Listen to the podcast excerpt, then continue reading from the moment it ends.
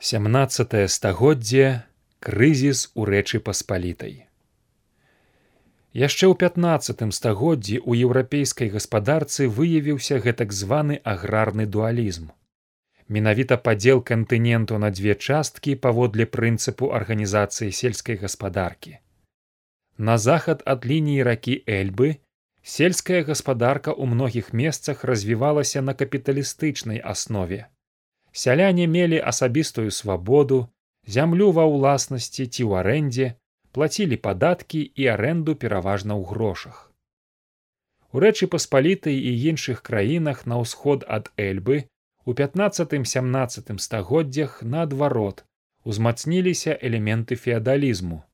Тут землеўласнікам феадалам было выгодней весці ўласную збожжавую гаспадарку фальварак з выкарыстаннем сялянскага прыгону адробкавай феадальнай рэнты. Сяляне запрыгоньваліся, гэта значыць не маглі свабодна пакінуць месца жыхарства, не былі ўласнікамі зямлі, якую абраблялі і мусілі выконваць паншчыну прыгон, дармовую працу ў панскай гаспадарцы. Прыгонныя знаходзіліся пад поўнай юрысдыкцыяй феадала, уласніка зямлі. Апошні меў нават права караць іх смерцю. У сямнацатым стагоддзі пагоршылася кан'юнктура на еўрапейскіх рынках, куды масава экспартавалася збожжа з рэчы паспалітай. Земляўласнікі шляхта былі вымушаны прадаваць збожжа па нізкіх цэнах. Каб падтрымаць ранейшы ўзровень жыцця, яны павялічвалі таварную масу праз узмацненне эксплуатацыі сялянства. Падвышалі паншчыну, якая пад канец 17 стагоддзя складала 5-6 дзён у тыдзень. У шестнадцатым стагоддзі звычайна два дні. І накладвалі на сялян падаткі ў збожжы. Сялянскія гаспадаркі занепадалі сяляне галадалі. По гэтай прычыне частка беларускіх сялян падтрымала украінскія казацкія войскі якія прыходзілі ў беларусь падчас украінска польскай вайны 1648 1654 гадоў самай распаўсюджанай формай змагання з феадальным прыгнётам былі ўцёкі ва ўкраіну да запарожскіх казакаў. У другой палове 17 стагоддзя рэч паспалітая прайшла праз цяжкі эканамічны крызіс, выкліканы войнамі шведскай і маскоўскай акупацыяй, а таксама ўпадкам сельскай гаспадаркі заснаванай на працы прыгонных сялян. Вайна з казакамі перарасла ў вайну рэчы паспалітай са швецыяй і масковіяй трынаццацігадовая вайна 1654-1667 гадоў. Амаль уся беларусь аказалася пад расійскай акупацыяй. У пачатку вайны некаторыя беларускія гарады і мясцовасці без бою паддаваліся маскоўскаму цару паверыўшы абяцанкам захаваць іх вольнасці і свабоды але хутка высветлілася што маскоўская акупацыя нашмат горшая за прыгнёт уласных паноў і ў беларусі разгарнулася масавая антымаскоўская партызанка. Шмат дзе хаатычная але часта і арганізаваная. Маскоўскія ваяводы ў данясеннях свайму цару паведамлялі што на іх нападалі атрады партызанаў шышы паводле маскоўскай тэрміналогіі якія мелі афіцэраў і харугвы прысланыя ліцвінскім гетманам. Паказальная ў гэтым плане гісторыя буйнога горада краіны магілёва. У пачатку вайны ў 1654 годзе магілёўцы паддаліся маскоўскаму цару і адчынілі брамы яго войску.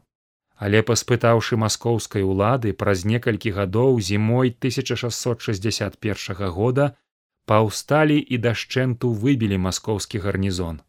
Хоць паўстанне рыхтавалася загадзя і пра яго ведалі сотні людзей, маскоўцы ні пра што не здагадваліся, іх так не любілі, што ў вялікім горадзе не знайшлося ніводнага даносчыка. Паўстанне пачалося па ўмоўным сігнале, калі бурмістр Язэп Леванович убег у ратушу з крыкам пара пара паваротным момантам вайны стала буйная перамога войскаў рэчы паспалітай над маскоўскімі каля вёскі палонка баранавіцкі раён у 1660 годзе. Ад таго часу пачалося вызваленне выцісканне вайсковых аддзелаў і ачыстка краіны ад акупантаў.